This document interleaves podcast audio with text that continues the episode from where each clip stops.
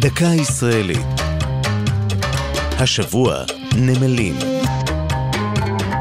והפעם אשדוד ים. כ-24 מיליון טונות סחורה עוברות בנמל אשדוד מדי שנה. אבל כבר לפני כשלושת אלפים שנה שימש את הספנים נמל אשדוד הקדום, השוכן סמוך למוצא נחל לכיש לים, קילומטרים אחדים דרומית לנמל החדש שהוקם לפני 55 שנה. עדויות לפעילות זו מתוארכות למאה השמינית לפני הספירה. סרגון השני, מלך אשור, שערך מסע כיבוש לארץ ישראל, החליט לבצר את הערים הפלישתיות שתחת שלטונו, ואשדוד הקדומה ביניהן. מטרתו הייתה להשתמש בה כנמל מרכזי, וכך כתב: הטלתי מצור על הערים אשדוד, גת ואסדוד עמו, פירושה אשדוד ים.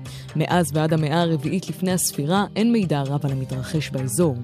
בתקופה הביזנטית הייתה אשדוד ים למרכז מסחרי משגשג.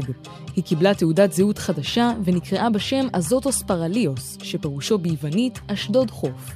העיר החליפה ידיים נוספות ובזמן שלטון המוסלמים נבנתה במקום קלעת אלמינה, מצודת הנמל. היא עמדה יציבה במשך שנים רבות ושימשה אות אזהרה מרשים לספינות אויב. מאז נחפרה וכוסתה המצודה פעמים אחדות. כיום היא עוברת שיפוץ בידי עיריית אשדוד ורשות העתיקות, ואפשר לבקר בה ולחזות בעתיקותיה. זו הייתה דקה ישראלית על נמלים ואשדוד ים. כתבה טליה כהן, ייעוץ סער גנור, הגישה עמלי חביב פרגון.